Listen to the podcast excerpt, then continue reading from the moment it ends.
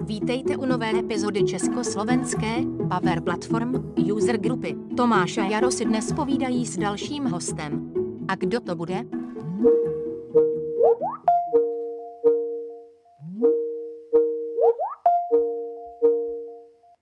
Halo, počujeme sa? Ahoj Peti, tu je Jaro z Pugu. A môžeme ťa na chvíľku vyrušiť? Máš na nás chvíľku čas? Uh, ahoj Jaro, jasné, jasné, no skúsme. Ja mám so sebou na kole Tomáša. Ahoj. Čau Tomáš. A my by sme ťa chceli trošku vyspovedať okolo Power BI. No, skúsim teda, keď sa nebudem veľmi potiť, tak veľmi rada skúsim zodpovedať nejaké otázky. Poď. Určite. Uh, Peti, my sa teda poznáme spolu z AT&T pred nejakých, tuším, desiatich rokov dozadu. A tí, ktorí nás teraz počúvajú, mohla by si trošička opísať, čomu sa venuješ v AT&T a aké to má spojenie vlastne s Power Platformou a konkrétne s Power BI? Uh-huh. Tak ja som eh, v AT&T vlastne už bude 11. rok. Eh, stále verná, prešla som si rôznymi manažerskými pozíciami v rámci AT&T. Začínala som eh, v network engineeringu, potom to bol projektový manažment a momentálne mám na starosti auditorov. AT&T je najväčšia IT firma na svete, je skôr známa možno v Amerike, menej v Európe, ale keďže AT&T má po celom svete rôzne pobočky a takisto zákazníkov, tak si myslím, že ľudia, ktorí trošku cestujú, asi AT&T poznajú. Asi áno. Uh-huh. A Peti, aké to má spojenie s Power BI? Pretože ja keď som odchádzal, tak o Power BI sa ešte vôbec teda nehovorilo. Ako ste sa k tomu dostali?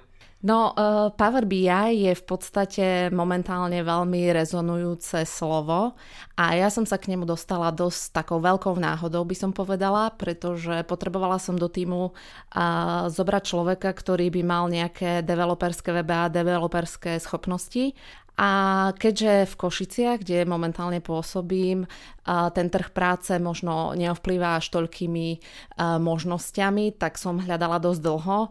Takisto som skúšala cez rôzne kanály sa dostať k ľuďom, ktorí sú možno trošku viacej zručnejší, lebo dnes vieme, že väčšina ľudí si napíše, že je Excel Advanced, ale v realite, pokiaľ človek mu dá nejaký test na, na príjmacom pohovore, tak to vyzerá trošku inak. Takže ak to mám skrátiť, uh, dostal sa mi vlastne kandidát uh, na pozíciu business analistu človek, ktorý má tieto Power BI schopnosti a zručnosti a on na nás hneď tak vybalil, že a bude nejaká možnosť aj vzdelávania sa v tejto oblasti, čo sa týka Power BI a my sme sa tak na seba pozreli s kolegom, že fúha, že Power BI, no my sme o tom iba počuli, ale ešte sme to nevideli. Takže sme ho hneď zobrali samozrejme, no a tam začala vlastne tá kapitola, kedy nám on poukazoval veci, čo to všetko uh, obnáša, akým spôsobom vlastne pracoval v minulosti a čo by sa dalo urobiť v rámci AT&T. Takže my sme boli jedni z prvých, to sa môžem pochváliť, čo sme Power, z Power BI začali pracovať uh, v rámci reportingu ako takého. Takže trošku to, bola, uh, trošku to bol taký challenge presadiť to aj s našim manažmentom, pretože priznám sa, na náš management je v Amerike a pre nich Power BI bola ešte veľká, väčšia neznáma možno ako pre nás tu na v Európe, lebo minimálne iné firmy viem, že tento reporting už využívali, takže preto sme minimálne s tým slovom alebo s tou platformou sa už my stretli. Takže prvýkrát, keď som to prezentovala nášmu šéfovi, že by sme potrebovali nejaké licencie a chceli by sme sa do toho pustiť, tak uh, to bol taký menší challenge, ale ako náhle sme pripravili pre ňo uh, jednu Power BI prezentáciu, a on to potom mohol zdieľať so zákazníkom, s druhým najväčším IT svojím spôsobom zákazníkom na svete, tak myslím si, že vtedy to bol ten aha moment, kedy sme si povedali, že áno, Power BI to určite bude budúcnosť aj u nás vo firme.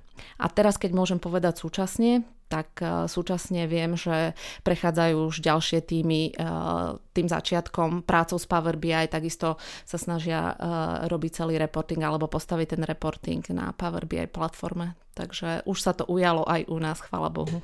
Já často, když uh, řeším takovýto rollout Power BI, tak uh, jedna z prvních věcí, na které narazíme, tak uh, bývá otázka zalicencování uživatelů, protože od té doby, co nelze ty reporty sdílet uh, se všemi uživateli bez toho, aniž by měli uh, vhodné licence k tomu, tak to bývá dost často bloker pro klienty. Jak jste se poprali s tímhle? Uh-huh. Uh, no áno, máš pravdu. V podstate tá free verzia desktopová je síce fajn na, na, možno na ten začiatok, ale pokiaľ človek potrebuje využívať aj nejaké cloudové riešenie na to, aby mohol zdieľať alebo nejakým spôsobom uh, mať platformu, kde môže jednak tie reporty mať poukladané, môže s, s, s nimi pracovať, môže si ich filtrovať, používať tam rôzne uh, tie ďalšie techniky a pracovať vlastne ďalej s tým reportom. Takže u nás je to riešené plošne. To znamená, že máme ako keby balík licencií zakúpených, vieme si ich potom jednotlivé organizácie v rámci našej firmy uh, si dok- dokážu tú licenciu za nejakých takých výhodnejších podmienok uh, v podstate kúpiť. Uh, mm-hmm. A Peti, a my sme mali v predchádzajúcom dieli Štepana Rešla, ktorý sa tiež zaoberá teda Power BI. A um, ja som mu dával takú otázku, že ako, ako vníma u zákazníkov ten prechod z Excelu do Power BI. Ako to vyzerá u vás vo firme? Uh-huh. Keď, keď, keď niekomu si ukázala proste, čo dokáže Power BI, bolo to takéto mávnutie rukou a to vie, to vie aj Excel, alebo v tom vidia mm. niečo viac. Uh-huh. Práve, že nikdy som sa nestretla s tým, aby človek zareagoval uh, takto ležerne alebo aby mával rukou. Skôr naopak, uh, mám pocit, že každý jeden človek, ktorý sa s tým stretol, pri, pri tomto procese, keď som bola ja prítomná, tak som videla ten aha moment a niečo také naozaj silné, že človek si uvedomí, um, ako ďaleko uh, dokážeme zájsť úplne s jednoduchou, dajme tomu len jednou obrazovkou alebo jedným slajdom, kde dokážeme namapovať 6, 8 rôznych um, grafov, dát, údajov číselných alebo vizuálnych a akým spôsobom uh, v podstate dokážeme predávať tie dáta ďalej. Pre nás uh, je dosť podstatné naozaj tá vizuálna stránka. Si myslím, že väčšina ľudí aj z tej psychologickej roviny sme skôr vizuálni, čiže ten, ten vizuálny efekt je, je enormný. A takisto naozaj aj tá reakcia, keď človek vidí, že áno, v Exceli dokážeme robiť veľmi podobné veci, ale potrebujeme mať buď viacej slajdov alebo viacej tabov, kdežto ten Power BI dokáže na jednej obrazovke vysvetliť celý problém, dokáže sa na to pozrieť z rôznych perspektív, vieme si ten problém otáčať, modelovať a, a je to také živé, interaktívne. Mm-hmm. Ja keď som sa pozeral na tvoj LinkedIn, tak uh, máš tam kopec uh, pekných fotiek, ako sedíte v týme a asi uvažujete nad nejakým ďalším reportom. Uh-huh. A konkrétne ma na tvojom profile zaujala, zaujal tvoj certifikát, uh, ktorý si získala ohľadom design thinkingu. A používaš tento princíp aj pri tvorbe tých reportov? Áno, tak design thinking je v podstate taká tá sféra, ktorá má veľmi zaujala od začiatku, kedy som sa vlastne začala o to zaujímať oveľa viacej. Čo sa týka našej firmy, máme naozaj široké portfólio a rôzne platformy na učenie, čiže tam som sa dokázala ponoriť hĺbšie do tejto problematiky.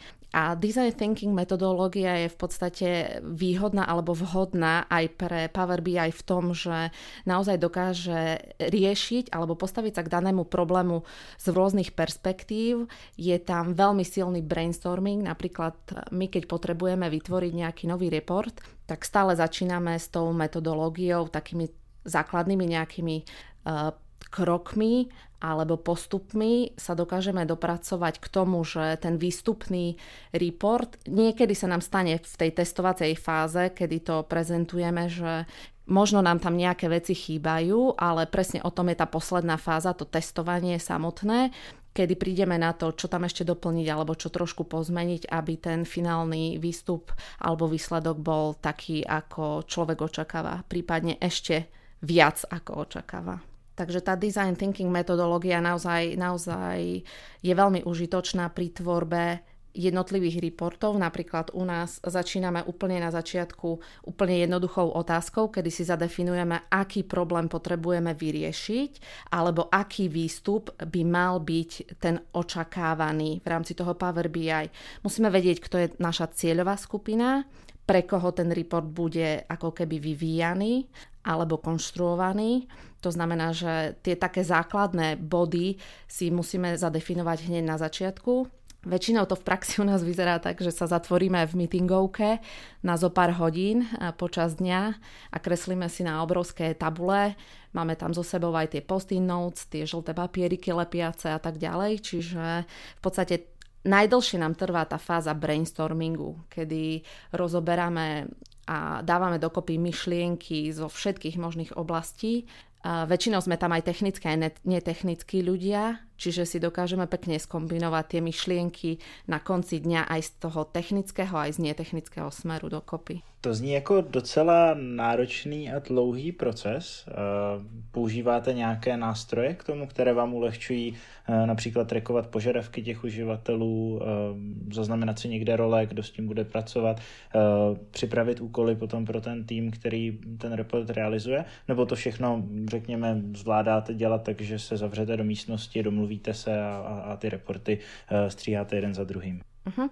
Uh, no, Nestrihame ich jeden za druhým. Eh, ak mám byť úprimná, tak eh, naozaj na tom jednom reporte, pokiaľ má byť ten výstup kvalitný, práca na tom celkovo aj s tým developerom trvá na tých jednoduchších možno týždeň, na tých zložitejších eh, ono to niekedy trvá 2-3 týždne, záleží naozaj od toho problému samotného, aj od štruktúry a robustu tých dát.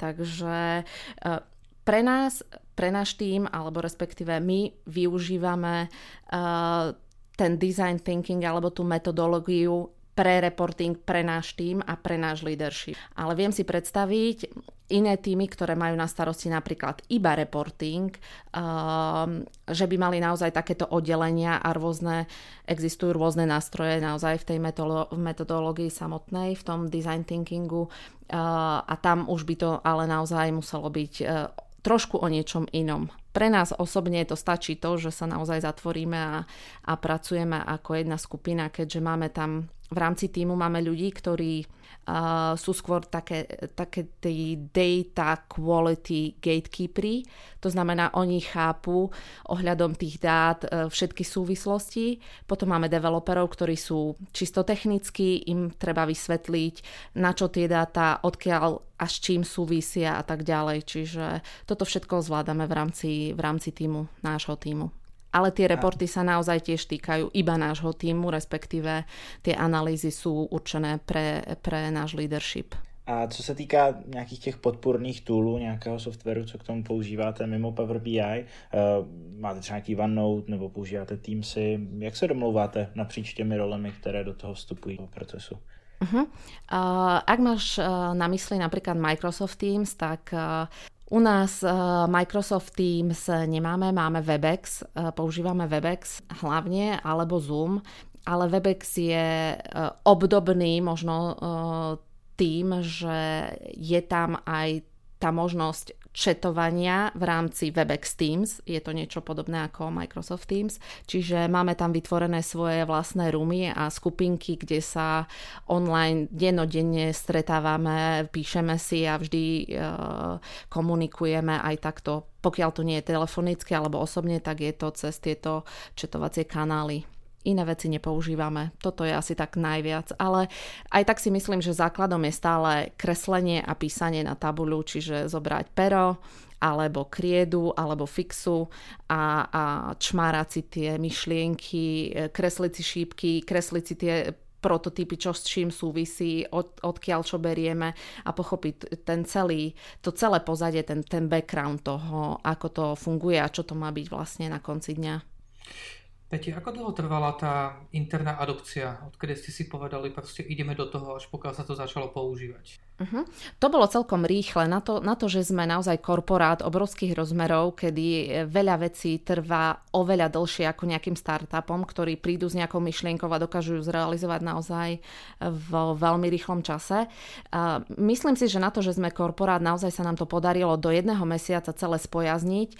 Trošku nám robili problémy tie security nastavenia v rámci, v rámci firem, firemnej vpn ako takej. To znamená, že tam sme si museli requestovať nejaké ďalšie špeciálne roly, ktoré nám boli assignuté a museli byť aprobované potom aj, aj leadership. Toto bola jediná taká vec, ktorá trošku trvala, lebo naozaj e, namapovať tú rolu, dať nám tie, tie povolenia, tie permissions k tomu, uh, to, toto bolo najviac asi tak time consuming by som povedala, lebo uh, samotná licencia alebo nakúpenie tej licencii to bola naozaj jeden klik a klik môjho supervisora, ktorý to approval a, a mohli sme to využívať hneď, ale potom nastavenia v rámci internej vpn toto bolo trošku zložitejšie. Ale do mesiaca sme boli hore, čiže myslím si, že je celkom rýchlo.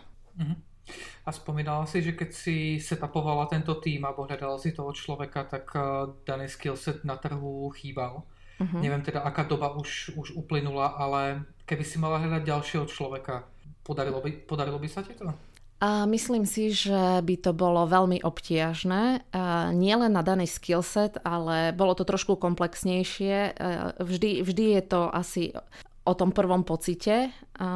Ako sa vraví, tá, tá taká ten taký prvý dojem. A na to, mne sa to naozaj za tých 11 rokov a mala som veľmi veľké množstvo interví a, a rôznych kandidátov, to sa mi osvedčilo najviac, ten taký inštinkt, alebo možno to, tie také naozaj také tie praveké e, spôsoby, kedy človek má buď hneď dobrý pocit, alebo hneď vie, že niečo tam nepasuje a dáva tomu svojím spôsobom e, ešte voľný priebeh, takže tu na to bolo takto, že hneď na začiatku som vedela, že ten človek naozaj zapadne do týmu a bude sa hodiť aj k tým developerom, ktorých máme, pretože aj osobnostne hneď to bol meč na prvý pohľad. Hľadala som ho viac ako pol roka, ak mám byť úprimná. A, a, a toto bolo vlastne v rámci Košic si myslím, že je to celkom náročné nájsť človeka, ktorý má tento skillset a, a aj osobnosť, aby tak zapasoval. Takže všetci, ktorí nás počúvajú, máte skilly Power BI, hor sa do Košíc, potrebujú ľudí. No určite áno, ak, ak mám byť úprimná, tak už ma kontaktovali aj iné departments alebo organizácie v rámci AT&T a mi povedali, že pokiaľ by uh, bola možnosť, tak určite by, by si ho zobrali aj k sebe oni, uh, pretože potrebujú takýchto profíkov, takže áno, Myslím si, že toto je budúcnosť a pokiaľ sú ľudia, ktorí majú tento skillset v rámci východného, alebo chcel, chcú sa vrátiť na východné Slovensko priamo do Košic, uh, myslím si, že tu určite nájdú uplatnenie pro nás takové velké téma, eh, které s tímhle hodně úzce souvisí, eh, je citizen developer, to znamená nějaký typ člověka, který není přímo programátor, ale pomocí těch nástrojů je schopen rychle něco vytvořit, co lze nějakým produktivním způsobem využít. Eh, myslíš si, že i bez toho, aby za tebou stál ten vývojář, který potom ten report dotáhne i po té technické stránce, tak už dneska ti ten nástroj dovolí dovolí uh, vlastně idea tu market dotáhnout jako kompletně samostatně, nebo uh, si myslím, že pořád je potřeba tam mít uh, někoho vlastně více hloubě technického, uh, přímo jako kodéra po, po, po, ponořeného v té technologii. Uh-huh.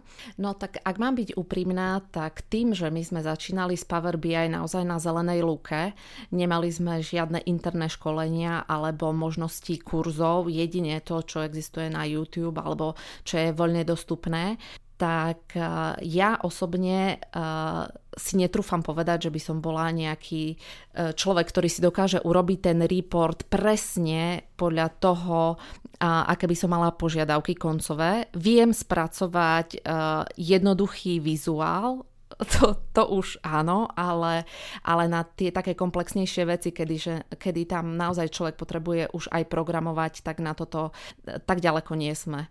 V rámci týmu sú to developeri, ktorí majú tento skillset. Zvyšok týmu samozrejme sa učíme. Máme tie sessions, kde nás tí developeri trošku svojím spôsobom challengeujú a dávajú nám rôzne tasky. Čiže snažíme sa to pochopiť, ale je to dosť komplexné a a netrúfam si povedať, že by sme vedeli vytvoriť samostatne e, report e, takej kvality, akú, akú momentálne leadership e, a môj management potrebuje.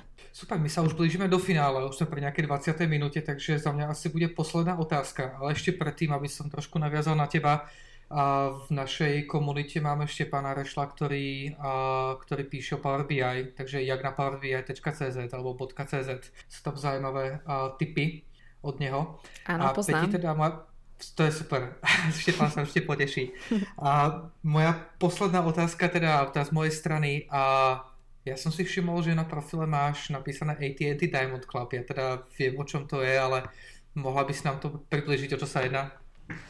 A, tak to je najvyššie ocenenie, aké je možné v rámci firmy. Je to v podstate ocenenie pre top 2% všetkých zamestnancov, je to 250 tisíc zamestnancov na celom svete pre AT&T, čiže uh, toto ocenenie sa dáva za nejaké extra biznis prínosné mm, výsledky alebo niečo, čo je naozaj to také outstanding.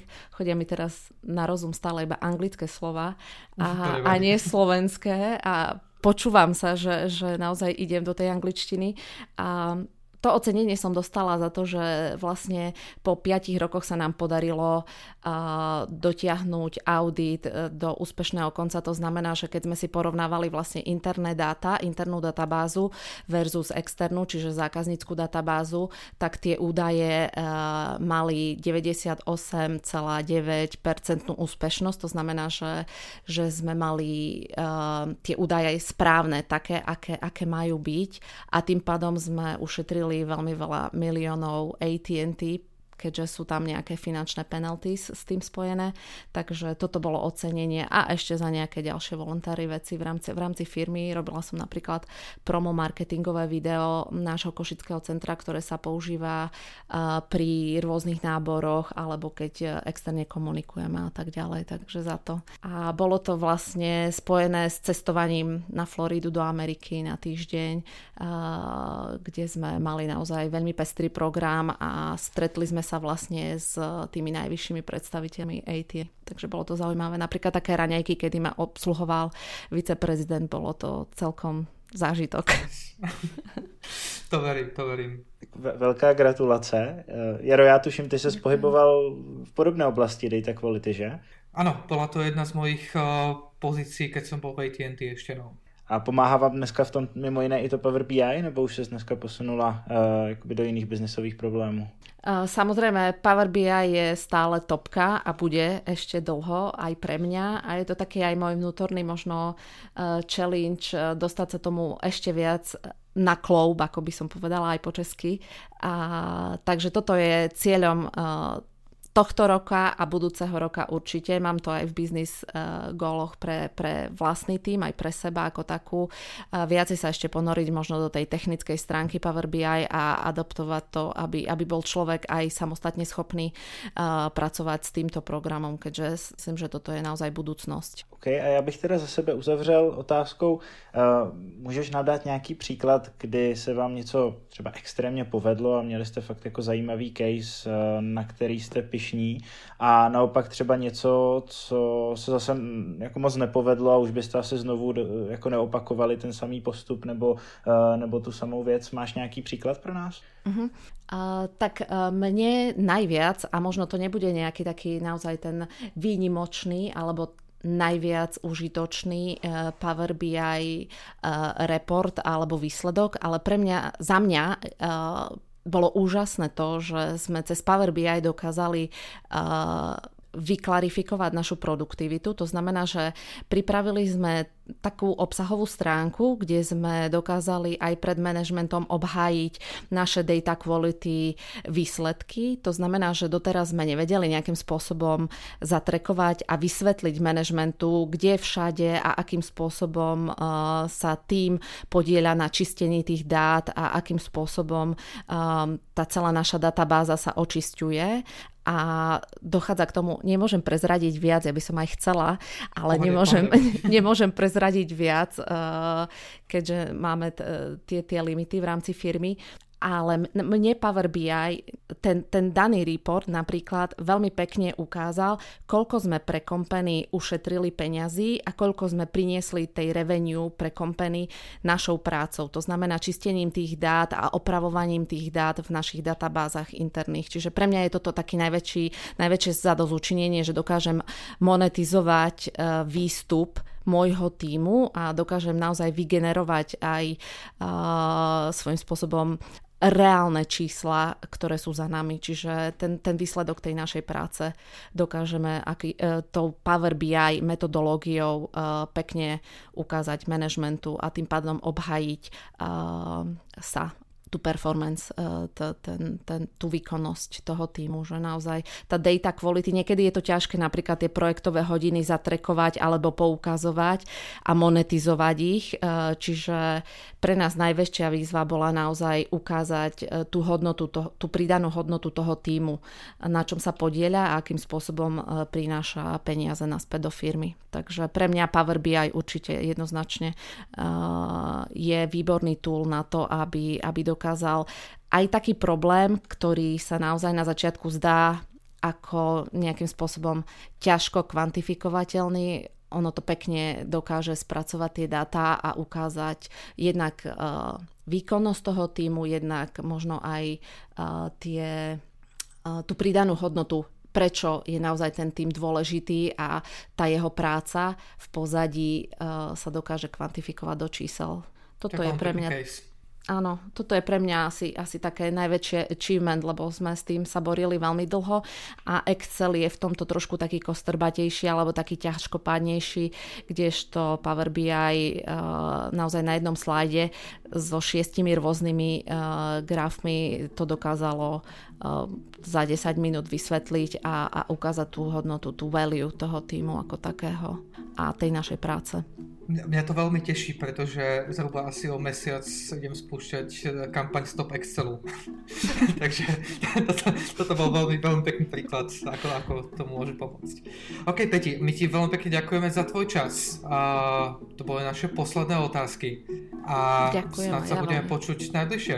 Ďakujem vám obidvom veľmi pekne a bolo mi cťou, eh, že, že ste ma oslovili. Takže želám vám ešte pekný večer a veľa síl a zdaru do budoucna. Ďakujeme, maj sa. Díky moc a ať se daří. Ahoj.